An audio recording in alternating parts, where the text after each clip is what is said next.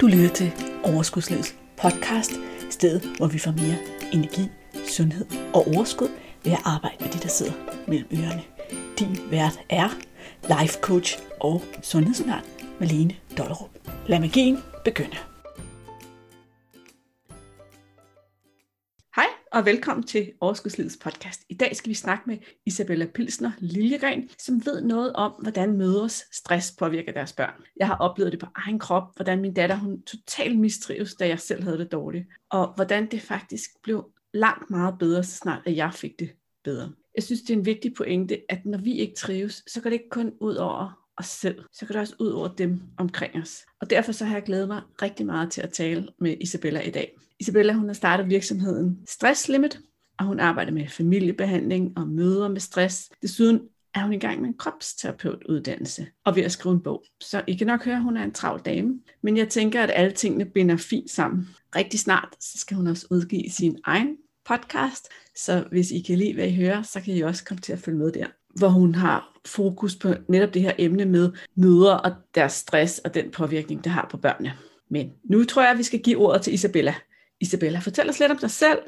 Hvordan er det, du ved så meget om det her emne, og hvad, hvad er din personlige historie, og har du nogle superpowers? Ja, og tak helt vildt meget til at fortælle Jeg er gift, og vi har to børn, som nu er 14 og 17. Jeg Øh, med stress, eller af stress i 2013, og jeg var syg, jeg var væk fra mit, mit arbejde i tre og en halv måned. Og jeg synes et eller andet sted, at vi, da jeg var syg, der synes jeg, at vi talte med vores børn om det på, på sådan børnemåden. De var på det tidspunkt, hvad hedder det, øh, øh, 9 og 3 år. Nej, undskyld, 9 og 6 år. Og altså, jeg, jeg synes egentlig selv, når jeg kigger tilbage på det, at vi var åbne omkring det. Vi, vi, var, vi snakkede om det. De var de var ligesom med, hvis man kan sige det sådan, uden selvfølgelig at, tænke vi i hvert fald, at, at skulle tage ansvar i det, eller de var sådan med på sidelinjen, fordi de var jo også en del af det her, der var sket. De var ikke en del af det, der var sket, men de var, de var jo med i, i hele den her rusjebanetur. Så da jeg begyndte på arbejde igen, og vores liv ligesom kom tilbage til normal, hvis man kan sige det sådan, det var i hvert fald en, en sådan normal hverdag, som vi kendte den fra før, så tænkte jeg, at når jeg er igennem, og vi ligesom er igennem, så har de det vel også fint. Og det troede jeg i, i mange år, indtil vi tog tre måneder ud af kalenderen og, og tog en rejse i 2016, så det var tre år efter. Øh, og når man er på sådan en rejse og trækker stikket, så tænker man nogle andre tanker, og man får snakket om nogle andre ting. Og øh, en morgen gik min, øh, der, der gik jeg sådan en tur med min søn, og på den her tur, der gik det bare op for mig, at for det første, da jeg, da jeg var syg, hvad for nogle følelser det ligesom havde sat i gang hos ham, det var sådan noget som bekymring, om det var hans skyld. Og skyld, var det hans skyld? Bekymring, om det kunne ske igen. Øh, bekymring, om øh, han kunne øh, gøre, som han, han ville, eller som han plejede. Han, han begyndte at tage enormt meget hensyn til sin lille søster. Gøre nogle ting, han selv synes var, var uretfærdige, bare for at, at være god nok herhjemme. Det, det fortalte han mig. Så fortalte han mig også, at at øh, han stadigvæk, selvom det var tre år siden, var meget, meget bange for, at det ville ske igen. Og han stadigvæk godt kunne tage sig selv i og, og ligesom sætte hans frygt for, om det ville ske igen, hans bekymring for, om det ville ske igen, over det, han, han selv gerne ville. Altså nogen, hvis han godt ville spørge om noget, eller hvis han synes, at der var, der var noget, der var uretfærdigt, eller sådan, så, så kunne han godt tage sig selv i og, og sige, når man, hvis nu jeg, jeg beder om det her, hvis nu jeg gør sådan her, så er jeg faktisk bange for, at, at min mor hun bliver syg igen. Okay. Så det og var hvor gammel var han der, sagde du? I der var han, der, nej, der var han 12 år. Ja, okay. Ja. Og, og hvad hedder det, øh, så det var lige pludselig så, altså jeg kan bare huske, at på den der strand, lige der, da vi gik den morgentur, der faldt tigeren bare for mig, hvor jeg bare tænkte, gud nej, jamen for det første, så er det jo alle, jeg kunne genkende alle hans følelser, bekymring, skyld, magtesløshed, er det min skyld? Altså du ved, alle de her ting, det var jo faktisk de samme følelser, som jeg selv havde haft, da jeg var, i hvert fald op til, øh, at jeg blev syg med stress, men også i perioden. Og, og, og samtidig så tænkte jeg, gud nej, jamen, det er jo også alle de følelser og alle de ting, jeg jo selv synes, at jeg som mor sat i verden for at beskytte ham mod, i hvert fald mens han er lille. Jeg ved godt, der kommer et tidspunkt, hvor jeg ikke kan længere, men det er da i hvert fald ikke nogen ting, jeg selv i udgangspunkt havde tænkt, at jeg skulle give ham ja, eller han skulle i gang med at beskytte dig imod. Præcis, lige præcis. Og derfor så gik jeg simpelthen i gang med at finde ud af, hvad, hvordan gør man med børn, der er påvirket af deres forældres stress. Det stod jo ret klart, at han var påvirket, og stadigvæk var det. Og der fandtes ikke noget. Der fandt, jeg kunne finde masser af ting om børn med stress, unge med stress, voksne med stress, alt muligt. Men det her med med faktisk med pårørende. Det var det er begyndt at blive mere nu, men særligt børn med øh, hvad hedder der påvirket deres forældres stress, fordi børn er bare en helt særlig situation. De er jo de er jo simpelthen så afhængige af os. Vi er deres livsline, vi er deres, øh, vi er deres liv. Så, så, så derfor så synes jeg, at lige præcis børn er virkelig, virkelig vigtige at få med igennem det her. Og blive, at vi som voksne og som især som mødre bliver opmærksom på, hvad er det, vi gør, eller hvad er det, der sker hos vores børn, når vi bliver syge af stress. Og derfor kan man sige, at min superpower, det, den kommer i kraft af, at at jeg var nødt til at finde eller opfinde et, et værktøj og nogle metoder for at ligesom få vores børn igennem. Jeg kunne ikke hente hjælp nogen steder. Jeg kunne, jeg kunne ikke spejle mig i nogen, der havde prøvet det her før. Så det jeg gjorde, det var, at jeg satte mig ned med en øh, computer sammen med vores børn eller øh, jeg gav dem hver en, en computer, de, vi havde ligesom selv noget at skrive på hver især. Så opstillede jeg nogle rammer for dem, hvor jeg sagde, eller for os alle sammen, hvor jeg sagde, jeg stiller jer et spørgsmål, og så er vi alle sammen helt stille, indtil at, øh, at I er færdige med at svare på det her skriftligt. Og når vi så alle sammen er færdige, så læser vi vores svar op hver især. Og det det gjorde, det var, eller grunden til at jeg gjorde det, det var fordi jeg godt ville være sikker på, at de ikke blev, blev farvet af enten hvad jeg sagde, eller hvad hinanden sagde, eller sådan, eller, eller pludselig måske ændret holdning til, det var måske heller ikke så slemt, eller det behøver jeg jo heller ikke at sige, eller sådan. Så man giver dem et rum til at formulere, hvordan var det, de oplevede det her. Og når vi så øh, var færdige med at svare alle sammen, så skulle de selv læse det op, de havde skrevet. Og jeg vil sige, det var virkelig en øjenåbner. Det var en kunst at kunne skabe det her rum, hvor de var trygge til at sige det, de faktisk havde skrevet det var også øh, et sted, hvor jeg virkelig skulle sluge nogle kameler, fordi der var jo masser af ting, som jeg tænkte, om det er vi igennem, hvor jeg kunne se på deres svar, at det var, eller høre på deres svar, at, at de havde enten oplevet det på en helt anden måde, eller der var sådan en masse ting i det, som jeg ikke havde forudset i hvert fald. Så man kan sige, med alt det her materiale, de havde lavet pludselig, og vi havde lavet sammen, så stod det ret klart, synes jeg, at jeg har, hvad kan man sige, jeg har, og jeg havde derfra et kæmpe ansvar for alle de mange børn, som står i samme situation, som de gjorde, og jeg synes faktisk også, at jeg har en forpligtelse over for alle de mødre, som er i den situation, som jeg var i, til at fortælle dem, hvad er det, der sker med vores børn, når det er, at vi selv bliver syge. Yeah. Ja, og forhåbentlig og det, give dem nogle redskaber til at handle på det også. Præcis. Jo, fordi jo, det var det. Det er mine superpowers, at jeg har jo, jeg synes, jeg har udviklet nogle, nogle redskaber til, at, at vi, kan, vi kan få os selv igennem, vi kan få vores børn igennem, og faktisk også blive klar over, hvad er det, der sker, hvordan, hvordan kommer jeg ikke derud igen, hvor det her det sker og hvor at, at jeg udsætter mig selv for stress, og udsætter mine børn for stress.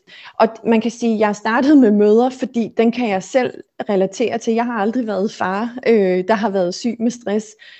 Der er ingen tvivl om, at det jo også er et, er et problem. Men grunden til, at jeg har med møder at gøre og børn, det er fordi, jeg selv er mor og har været syg med stress, mens jeg var mor. Ja, så du har bygget dine redskaber på dine egne erfaringer også. Det er et super godt sted at starte, tænker jeg. Præcis det var nogle fantastiske superpowers. Dem skal du nok glæde af ude i verden, tænker jeg, eller ja. vi, vi andre skal. Ja. Fantastisk. Okay, nu vil jeg gerne vide det. Jeg sagde jo her i indledningen, at min datter, hun havde det ret skidt, da jeg selv var stresset, og det kom sådan til udtryk på en måde, hvor hun, det ikke bare var psykisk, men også, hun gik rigtig meget stykker, for eksempel skulle hele tiden på skadestuen, så brækkede hun foden, så stod hun foden, og så alt muligt. Og altså, jeg kan godt forstå den der del med, at børnene ikke trives, fordi at når vi er stressede og presset, så får, giver vi ikke børnene den opmærksomhed, som de normalt får, og, og de får måske også noget bekymring for os. Men hvordan kan det manifestere sig så fysisk, altså som det gjorde hos min datter? Altså jeg vil sige, øh, lige præcis som du siger, altså en, jeg, jeg tænker, der er to ting i det. Der er den sådan fysiske del, hvor hun kom til skade. Det er en ting. Og så er der hovedpiner. Og jeg vil rigtig gerne lige dele dem op, fordi man kan hun sige... Hun havde også mange hovedpiner, ja. Ja, for, fordi, hvad hedder det, øhm, ho, altså hovedpine er faktisk sådan et helt gængs tegn på, at vi eller at vores børn bliver påvirket. Der, der findes en række tegn, som vi skal være opmærksomme på, fordi det faktisk kan være et, et tegn på, at de bliver påvirket af, at vi er stressede. Eller at vi måske ikke er stressede endnu, men vi er på vej derhen. Og der er hovedpine et af dem. Det kan også være mavepine. Det, det kan være sådan nogle fysiske ting, som hovedpine, mavepine, feber for eksempel. Det kan også være nogle adfærdsmæssige ting, som at nogle pludselige vredesudbrud, eller ekstremt øh, klovneri, en uhensigtsmæssig, opmærksomhedskrævende adfærd. Det kan også være, at de trækker sig pludselig øh, hellere vil være på deres værelse og, og spise måske, eller, eller, eller trækker sig fra, fra familien. Og man kan sige, det svære i det her, altså det, det, det udfordrende i det her, er jo, at de her symptomer formentlig kommer langsomt. Jeg, altså jeg plejer at sige, man skal være opmærksom på pludselige ændringer hos sine børn. Og når jeg siger det, så er pludselig i situation, eller hvad hedder det, situationstegn, fordi stress er jo lumsk, det kommer snigende, og det gør deres øh, hvad hedder det, adfærds hvad hedder det, ændringer eller fysiske ændringer også. De kommer jo i takt med, at vi bliver mere og mere presset. Så øh, man kan sige, man skal være rigtig opmærksom på, hvad er det for nogle ændringer? Hvor, hvor kan jeg ikke kende mit barn længere? Hvad er det for nogle ting, der, der, der går igen? Hvor kan det komme fra? Og det er jo rigtig svært, fordi hvis man selv er presset, og selv er på vej ud i, i, i stress, så bliver det rigtig svært at holde fokus på sine børn. Det her med de fysiske skader, hun hele tiden kom til, øh, hvad hedder det, øh, kom til skade og skulle på hospitalet, for mig at se, er det en måde at sige, altså simpelthen hendes krop siger, jeg har brug for din omsorg, jeg har brug for dit nærvær, vær sammen med mig her, jeg har, jeg har simpelthen sådan brug for, at du er med mig, at du holder om mig, at du ser mig. Øh, at det simpelthen er hendes, er hendes krop, der har, der har gjort det. Og, og efterfølgende, hvis hun har haft forstuet benet eller, eller brækket benet, har hun jo ikke fordi hun ville det, men hun har, hvad kan man sige, hun, hun har jo krævet den omsorg, hun har krævet ekstra omsorg. Helt klart, ja. Hun skulle, ja. Man skulle bruge meget energi på hende, ikke? for pludselig ja. kunne hun ikke selv gå i skole, og Præcis. ikke selv nærmest komme op og ned ad trappen og alt det her. Ja. Præcis. Ja. Så for mig at se, er det jo nærmest sådan en fysisk manifestation af, at hun er meget tydelig i virkeligheden, uden at være tydelig i ord, mm. øh, om at, jeg, jeg, hey mor, jeg er her også, jeg har simpelthen sådan brug for dig. Og man kan sige, det er jo egentlig også, de, i hvert fald de fysiske tegn, som vi normalt ser, som jeg lige listede op, øh, mavepine, hovedpine, de her ting, det er jo også et, et tegn på, at jeg har sådan brug for, at I ser mig, at du ser mig, at du er her med mig. Ja, jeg kunne mærke, at jeg blev meget sådan følelsesmæssigt påvirket, da du sagde det, det er klart, fordi nu er det jo mig, vi snakker om, og min datter. Og, og samtidig så tænker jeg, at det var faktisk en rigtig fin liste, du lavede. Altså den her med at sige, at nogle gange har vi ikke selv endnu opdaget, at vi er stressede. Mm. Men hvis vi oplever, at vores børn hele tiden har hovedpiner, mavepiner, mm. kommer fysisk til skade, trækker sig ind, ændrer adfærd, ja. og vi ikke kan forstå hvorfor, og vi ja. ikke kan finde noget i deres miljø, så er det en rigtig god pegefinger, der peger lige ind i hovedet på os selv. Ikke? Det er det nemlig. Det synes jeg var en super fin pointe. Det var derfor, jeg lige gentog den. Ja. ja. Den her sammenhæng, gælder den uanset om børnene, altså nu, i min historie, der var min datter 11 år på det tidspunkt. Ikke? Men gælder det ja. også, altså uanset hvad for en alder det har, om de er små, om de er store, om de er teenagebørn eller hvad? Nej. Nej, det gør det ikke. Det er et helt kort svar. Kort og effektivt. ja.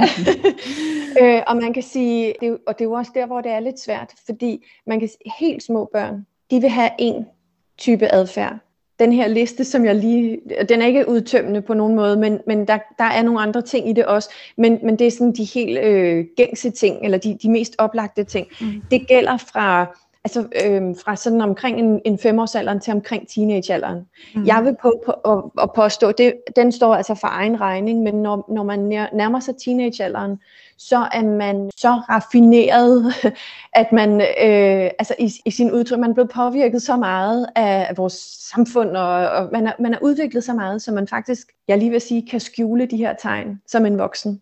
Mm. Det, det er ret vigtigt, og, og lige, det er faktisk ret vigtigt for mig at sige, at fordi vi er stressede, er det ikke ens betydende med, at vores børn bliver stresset.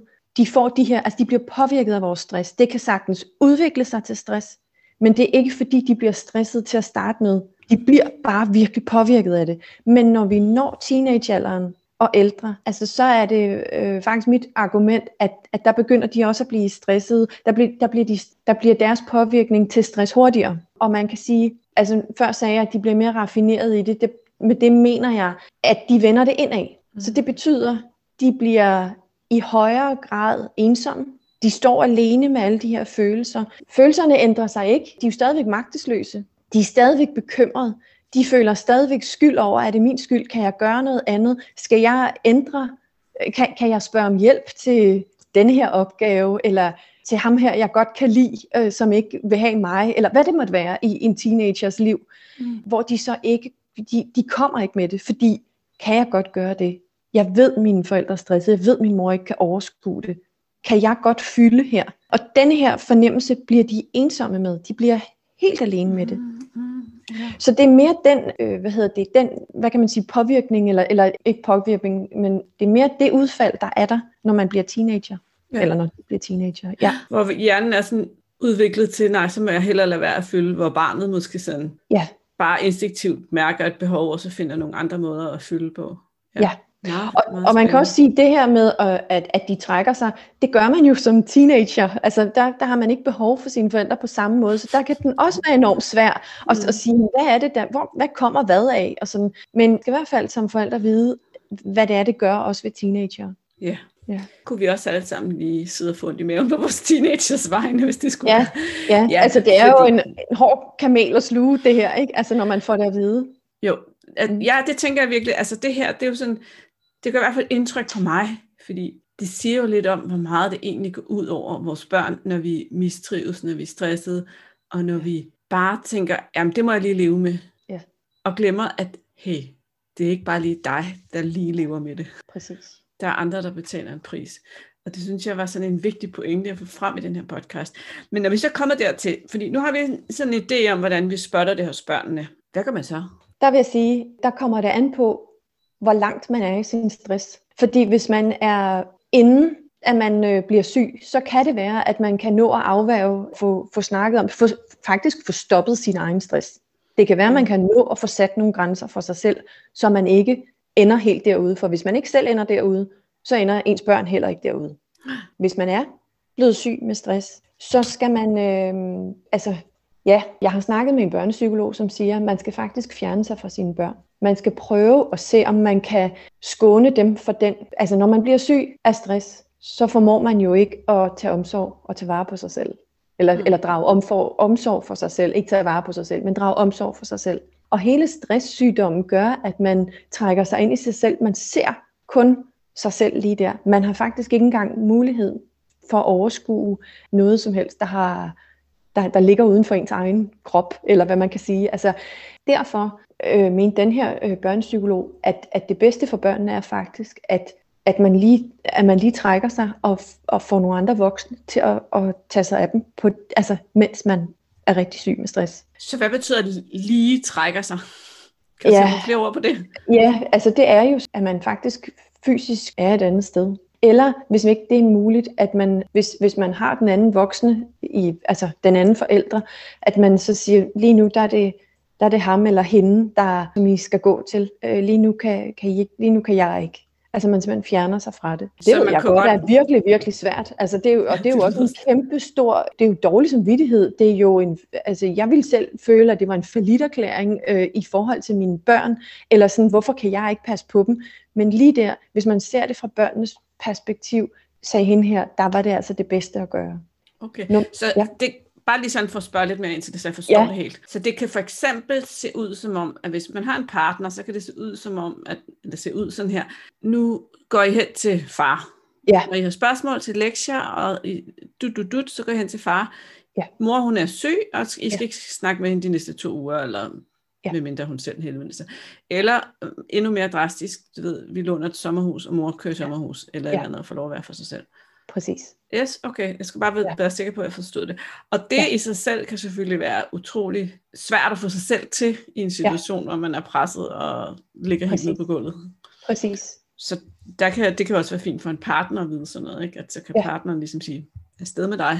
Ja, mm. og man kan sige, hvis man er efter, det jeg fandt ud af det her, der var vi jo tre år efter, mm. altså min stress, der er det helt vildt vigtigt at få skabt et rum så børnene kan sætte ord på det. Fordi når de føler, at vi lytter til dem, og vi hører dem, så sker der jo også en, en helingsproces hos dem. Mm, mm. Så det er mega vigtigt, at man får snakket om det, man får sat nogle ord på det, Og der vil jeg sige fra egen erfaring, det er ikke altid lige sjovt. For, og man skal virkelig, øh, de oplever nogle andre ting helt anderledes, end vi selv gør. Altså vores virkelighed er måske noget helt andet, også når vi er stressede. Så der skal man altså også være klar til ligesom at, at kunne sluge nogle kameler i den snak. Og, og man skal også være i stand til at kunne skabe et trygt rum for dem, så de tør sige de her ting her. Ja, det kunne jeg godt forestille mig. Og, og måske også sådan lige kunne lave sådan en zip på munden, der hvor du får lyst til at forsvare dig selv. Ja. Altså sige, det her handler ikke om, at du skal forsvare dig selv, det handler om, at du skal forstå. Og lytte. Og den er jo super svær, for vi har altid lyst til at forsvare selv, tænker jeg. Så kunne jeg godt tænke mig, nu siger du sådan, du satte dem ned foran en computer, gav dem nogle spørgsmål, ja. gav dem tid til at skrive og sådan. Kan man altså gøre det, har du andre forslag, at børn ja. skal også en vis alder, altså kan det ja. også være sådan noget, hvis nu vi for eksempel tager mig, ja. bare fordi det er så dejligt nemt, det kan jeg forholde mig til. Ja, ja. altså kunne det godt være, at vi bare sad ved middagsbordet en dag, og der var sådan en god stemning, og så stiller man nogle spørgsmål. Hvordan ja. oplevede I det egentlig dengang? Hvordan har I det nu? Og, det ja. kunne sagtens være. Man kunne også øh, lave mad. Man kunne også øh, gå en tur. Man kunne også sidde på en legeplads. Man kunne også være i gang med et puslespil. Man, det kommer også an på, hvad, hvad børnenes øh, alder er, eller, eller hvad, hvordan familien er som, som sådan. Men man kan sige, Ja, fordi det der med at sætte dem ned med en computer, det, var, det er jo ikke nødvendigvis noget, der fungerer i alle familier. Det man skal være klar over som voksen, når man skal snakke med, med børn, specielt hvis de er under teenagealderen, det er, at de jo ikke nødvendigvis måske kan koncentrere sig om spørgsmålet om den her samtale lige så længe. Og derudover, så kan den også godt være svær for dem at tage. Så det man skal være opmærksom på, hvis nu man sidder i en sandkasse med, eller er, øh, øh det er måske mere små børn, hvis nu man er i gang med øh, madlavning, lad os sige det sådan, og man står og snakker om det her, så skal man også være enormt opmærksom på som voksen, hvad det er for nogle tegn, barnet sender. Hvis de pludselig midt i kartoffelskraldningen går, eller fysisk vender sig om, altså så man gør, giver kropslige, øh, eller hvad hedder sådan noget, kropssprogsmæssige tegn på, nu, nu, er jeg færdig, nu er jeg færdig med den her samtale, uanset hvor lang tid man har snakket, man kun har stillet et spørgsmål, så skal man være klar på som forældre at bakke ud af det, og lige give dem tid. Grunden til, at jeg gjorde det sådan her, det var simpelthen fordi, at jeg ville, jeg ville rigtig gerne, jeg ville gerne have dem til at sætte ord på, ud fra hvad min, hvad min søn havde sagt. Nogle forskellige ting, som jeg kunne høre på ham, havde betydet noget. Det kan jo sagtens være, at det ikke er sådan. At der kun er tre ting. Eller, eller at den her samtale, den tager rigtig mange måneder, mens man står og laver mad, eller bager, eller går tur, eller hvad man gør. Fordi det er altid en god idé, specielt med børn, at lave noget andet, så når man netop ikke skal sætte sig ned og sige, okay, nu snakker vi. Så er vi her ved et bord og kigger på hinanden. Ja, præcis. Og der kan også, hvis man går en tur i skoven, det kan alle aldre jo gøre, der kan jo godt komme noget helt andet samtale ud af det. Det synes jeg var nogle gode øh, råd eller input. Isabella, jeg tænker sådan lidt på, når du så hjælper folk, som opdager, at de er kommet i den her situation, de kontakter dig for at få hjælp og støtte. Hvad gør du så? Altså hjælper du med spørgsmål, eller hvordan ser det ud, når du faciliterer processen? Det kommer lidt an på, hvad, hvad de har behov for. Men jo, helt klart spørgsmål. Der kan også være noget behandling. Nu er jeg jo i gang med den her kropsterapiuddannelse, hvor jeg godt vil lave noget familiebehandling. Eller det er i hvert fald, mit, jeg sigter efter at lave noget familiebehandling, hvor børnene også er med. Fordi det er også med stress, der igen, man trækker sig. Så det her med at begynde at ja, altså at røre ved hinanden, altså øh, give hinanden et knus. Eller der, der er nogle forskellige ting i, i det der med nærhed i en familie også. Så der kan være forskellige ting indover. Men helt klart, altså jeg synes jo, det, det allervigtigste, det er, at vi som mødre bliver klar over, hvad er det for nogle ting, der trigger vores stress. Det er det allerførste, man skal være klar over som mor. Fordi hvis vi stopper den der, så stopper vi jo også hele den her kædereaktion af påvirkning og af følelser og alt muligt, som vi, som, eller ikke som vi forplanter, men som forplanter sig hos vores familie, hos vores børn, hos alt. Ja, jeg sidder det, sådan og tænker førstehjælp, ikke? Sådan stans ja, ulykken. Præcis, lige præcis. du går i gang med at fikse alt andet. Ja. Det er det. Det er det allerførste. Man skal som mor blive klar over, hvad er det for nogle ting, der trigger mig? I hvad for nogle situationer trigger det mig? Derudover så går jeg i gang med, også med, med moren, finde ud af helt konkret, hvor lader jeg op henne? Hvor giver, hvornår, det kan, være, det kan være forskellige situationer, det kan være med forskellige mennesker, men simpelthen blive klar over, hvor lader jeg mine batterier op henne. Fordi når man ved det, så kan man aktivt vælge det til, hvis man kan mærke, at man er på vej ud i en stresset periode, så ved man, okay, jamen øh, jeg skal gå en, en tur ud til det her træ, fordi der ved jeg, at jeg lader op. Eller jeg skal bage en kage sammen med mine børn, fordi der ved jeg, at hele den stemning, hele den situation med at bage en kage, det er bare virkelig, virkelig, den, der kan jeg bare mærke, at jeg suger energi fra øh, køkkenet, fra stemningen, fra vores børn, fra min mand, eller hvad det måtte være eller kagen, eller altså, hvad det måtte være. Men simpelthen blive klar over, hvor er det, jeg, jeg lader mine batterier op henne. Og så, Kender ja. du også det der med, altså det oplever jeg, når jeg har folk i coaching, at der er faktisk mange, der nærmest ikke kender svaret på det spørgsmål. Ja, ja, ja. Jeg kendte heller ikke selv svaret. Nej. Og det var, det var også noget, det, jeg, det var faktisk øh, noget, jeg, jeg startede med inden, altså, da jeg selv var syg. Jeg blev klar over, hvor er det, jeg får det godt henne af at være. Og der fandt jeg ud af, det var derhjemme. Når jeg var hjemme med vores børn, med min mand, det var der, jeg lavede op. Mm. Og det er der, jeg lader op. Corona er en stor opladning. Fuldstændig. Altså jeg, er jo, jeg ser jo mig selv som virkelig, virkelig heldig lige nu, fordi at, øh, der, jeg kunder på arbejdet en gang imellem, og, og sådan, altså, synes virkelig, virkelig, det er fantastisk. Ja. Godt. Men nu afbryder jeg dig virkelig. Du var ja. ved at sige stands ulykken og finde ud af, hvor lader du op. Ja, og, og derfra så kan man ligesom gå en række forskellige veje, alt efter hvor man er henne. Men, men øh, helt sikkert få ens børn til at fortælle om det, hvis, hvis vi allerede er derovre. Mm. Og det kan godt være, at man ikke selv er den rigtige person til, at, at de skal snakke med det om. Det kan jo godt være, at man er der, at, man, at det er bedre, at de snakker med nogle andre om det. Så må ja. man give plads til det, og ikke føle det som et nederlag. Så hvis man får din hjælp, kunne det så være dig, børnene snakkede med? Det kunne det sagtens være. Eller manden, og det gør eller mosteren, ja. eller... Ja. ja. Mm. Og, det, og det gør vi også, den her familiebehandling. Der er faktisk nogle kropsbehandlinger for, for børnene alene inden i det her forløb. Var det sådan ja. beskrivelsen af nogenlunde, hvad der foregår? Ja. Fedt. Så tænker jeg, hvis nu der sidder nogle lyttere her, ja. og tænker, øh, jeg kan godt mærke, at der var noget genkendelse i noget af det, som Isabella sagde her. Jeg fik lige lidt ondt i maven, mine børn reagerer sådan, eller jeg ved godt selv, jeg er presset, eller sådan. Har du så et eller andet tip? Og jeg ved godt, at det her er et meget stort emne, som mm det rigtig ofte vil være en god idé at få hjælp til. Men hvis man skal have sådan et tip nu og her, så man kan gå ud og tage action på, hvad, hvad kunne det så være? Altså, jeg vil jo sige, som det aller, aller først, det, det starter med os. Mm. Det starter med møderne. Så hvis man på nogen måde kan vi uden om at blive stresset selv, så er vi altså nået langt. Hvis jeg kan hjælpe bare en mor med at undgå at blive stresset, så synes jeg simpelthen, at jeg, øh, jeg nærmest har, øh, har indfriet mit eget mål, eller hvad man kan sige. Så hvis vi kan stanse det der, så er, det, så er vi virkelig, virkelig langt. Mm. Hvis vi øh, er blevet stresset, så bliver vi nødt til at give os selv tid og rum til det, og så skal vi, så skal vi snakke med vores børn om det. Vi skal, og vi skal vide, at når vi er blevet stresset, så har vi påvirket vores børn. Så hvis vi har, hvis vi er syge af stress, så skal vi få dem til at sætte nogle ord på det. Fordi de er også del af det. Super godt. Jeg kunne ikke lade være at tænke på, når vi snakker standsulykken, altså det her med, hvis vi ikke er helt stresset nu, så skal vi mm. gøre noget for at lade være at blive det. Ofte er der jo en grund til, at vi ikke stopper. Ja. Altså en eller anden idé om, at vi skal præstere, eller vi kan ikke gøre mm. det anderledes, eller det forventes af os, eller sådan noget. Mm. Hvad vil du sige til den del af os, der tror på det? Ja, det er jo, altså det, det kræver faktisk et, en ændring af ens mindset og ens vaner. Og jeg kender det selv, for jeg var selv en meget pligtopfyldende, jeg skal nok klare det, det skal I ikke tænke på, jeg, bare giv mig det. Og så havde jeg enormt dårlig samvittighed hele vejen rundt over for mit arbejde, over for mine børn, over for mig selv, over for alt. Den her dårlige samvittighed, den gik bare igen. Og den her pligtopfyldenhed, den gik også bare igen. Fordi jeg skulle nok sørge for det, men til gengæld den der, jeg skulle nok sørge for det hele, gav mig også virkelig dårlig samvittighed. Ja, og du havde så ikke tid til at sørge for dig. Præcis.